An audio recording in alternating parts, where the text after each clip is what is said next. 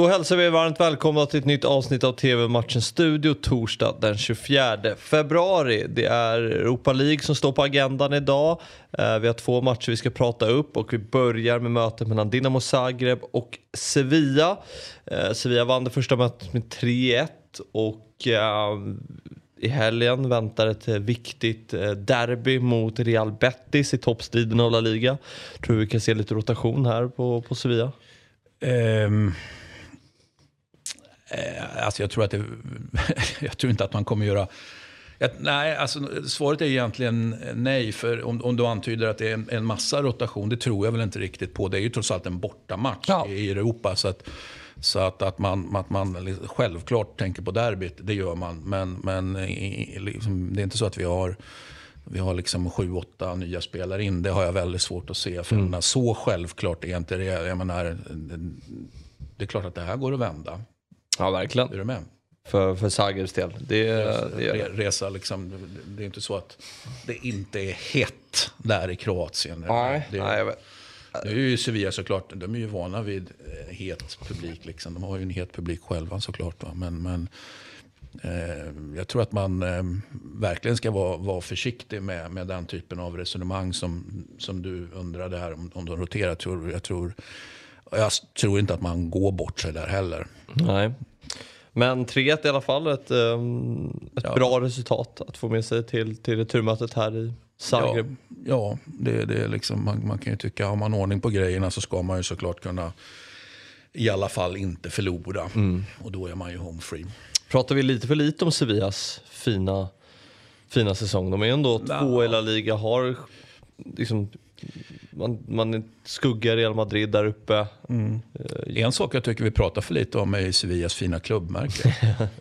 ja, jag tänkte precis mm. på um, äh, Zagrebs äh, mm. klubbmärke. Jag ja, du tänkte... tänkte... på det och jag ah, tänkte på Sevilla. Ja, tänkte... Man är ju svag med en, en tron och lite, ja, det... och, och, lite kyrkligt och, och så vidare. Ser, ser imposant ut. Och gamla läderbollen. Lilla detalj. Bara en sån sak. Men jag tänkte på uh, Dinamo Zagrebs klubbemblem. Att här, uh, det är ju mäckigt med ett litet D. Det var det jag ville komma till. Ja, alltså, jag, små bokstäver. Eh, alltså, jag, jag, har faktiskt inte tänkt på det tidigare. Nej.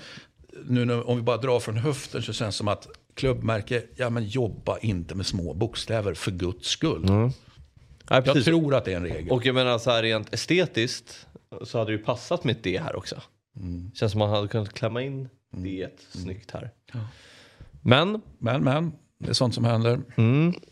Uh, däremot så tycker jag att Kroatien alltid har haft väldigt fina uh, tröjor.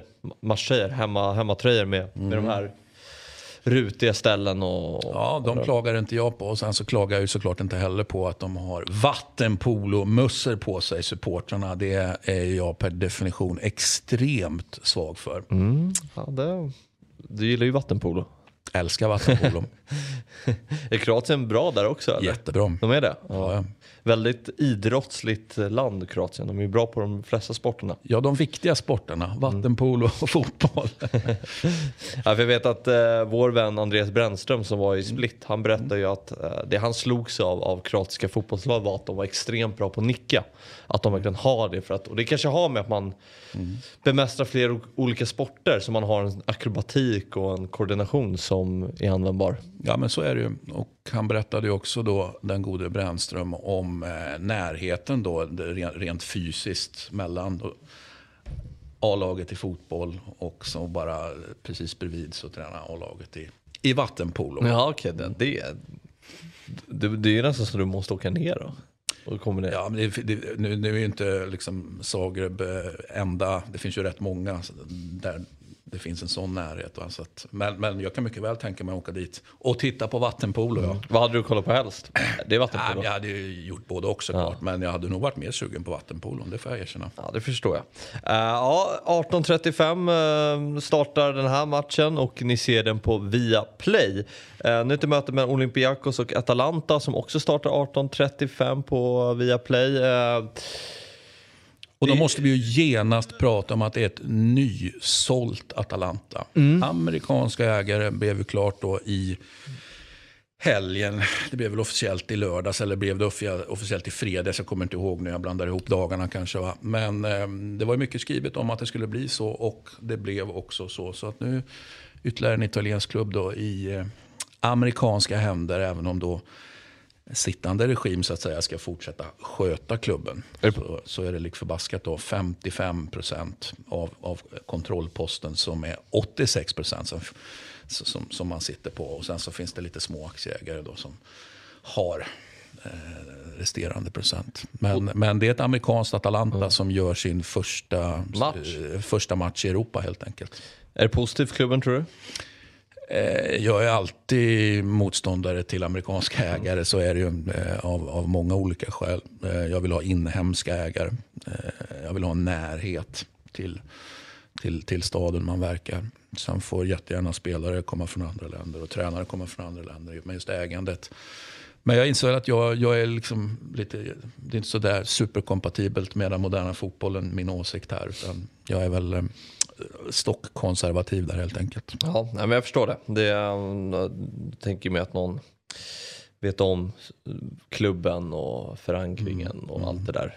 Ja. Och det är fullt rimligt mm. att man tycker så. Uh, Olympiakos de uh, dominerar den grekiska ligan, ligger 11 poäng före PAOK i tabellen. Uh, första mötet slutade 2-1 i Atalanta, det ska vi såklart nämna. Ehm, Men nu kommer dels eh, återigen då, eh, heta känslor på läktarna där borta. Mm. Eh, precis som i, matchen innan så kommer det eh, kunna bli så här också. Kokande kitteln som man Ja, men vi tror att det kommer att bli här också. Eh, vi tror att, att eh, supporterna tror att det finns läge att vända här. Eh, och tittar man på vad som har hänt med Atalanta, man fortsätter ju att spela bra, men man har ju forwardsproblem. Inte för att man i truppen har dåliga forwards utan att forwards är skadade helt enkelt. Mm. Eh, och eh, nu spelar man ju i helgen till exempel så kommer man ju till spel med nye Boga som någon slags falsk nia eller vad man nu ska säga. För man hade ingen annan att, att sätta in där. Det, det, säger ju någonting om någonting. Det vill säga man spelar egentligen utan anfallare för att vara väldigt tydlig. Så att, eh, och det är ju inte att rekommendera, man kan göra det under en kortare period. Man kan inte göra det liksom vecka ut och vecka in. Eh, frågan är om man kan göra det i den här matchen. Ja, det kanske funkar. Mm. Eh, vi ska nämna det att det är sextondelsfinaler av, av Europa League eh, som, och inte åttondelsfinaler. För det är många som kanske tänker så här eftersom att det är Champions League åttondelsfinaler så är det Europa League åttondelsfinaler. Men eh, det är sextondelsfinaler som gäller. Eh, mm. Vad tror du? Tror du att Olympiakos kan vända det här eller? Jag tror absolut att man har möjlighet att göra det. Eh, betyder det att jag tror att man gör det? Nej, det kanske jag väl inte gör heller. För jag tycker det finns en, en, en inneboende kvalitet här. Atalanta har visat med eller utan anfallare att man är ja, men på något sätt pålitlig i Europa. Visst, man släpper in mål, men man gör också mål i Europa. Och man gör det både hemma och borta. Det vill säga man har nått en, en Europa-förutsägbarhet och en Europanivå mm. som ju inte direkt Olympiakos genom sin ja, moderna historia har, har liksom att, att, man kan lita på Olympiakos i Europa. Det har inte riktigt funkat så. Va? Nej. Så, att, eh, ja, det... så jag tror att Atalanta går segrande ur dubbelmötet. Det tror jag. Men, men eh, absolut, jag menar, tidigt mål, stor entusiasm, tuta och köra. Kan, så kan det regna halloumi där nere? det känns lite som en myt det där. Att man, det, var ju, det är som samma sak med Turkiet. Att det är tufft att komma till Turkiet och Grekland. Det är ett sånt enormt tryck. Men det känns som att klubbar brukar åka ner och bara städa av de här lagen för att de rent mm. kvalitetsmässigt för varje år nästan dippar lite känns som. Ja, men jag håller med. Det är, det är Olympiakos, den utveckling, utvecklingskurvan, kanske den är, är, lite grann på väg uppåt mm. igen. ja, men, så är det. Från att ha varit på en, liksom, en till synes okej okay, eller till och med bra nivå fast inte har levererat i Europa så känns det som att man rent kvalitetsmässigt gick ner sig under x antal år och att, att man då, bara det du nämner, att man att man leder ligan så övertygande, det är väl liksom ett tecken på någonting såklart. Ja, men så är det. Eh, 18.35 startar matchen och eh, ni ser den på Viaplay. Det var allt för idag, men TV-matchens studio är givetvis tillbaka imorgon igen. Vi ses då, hej!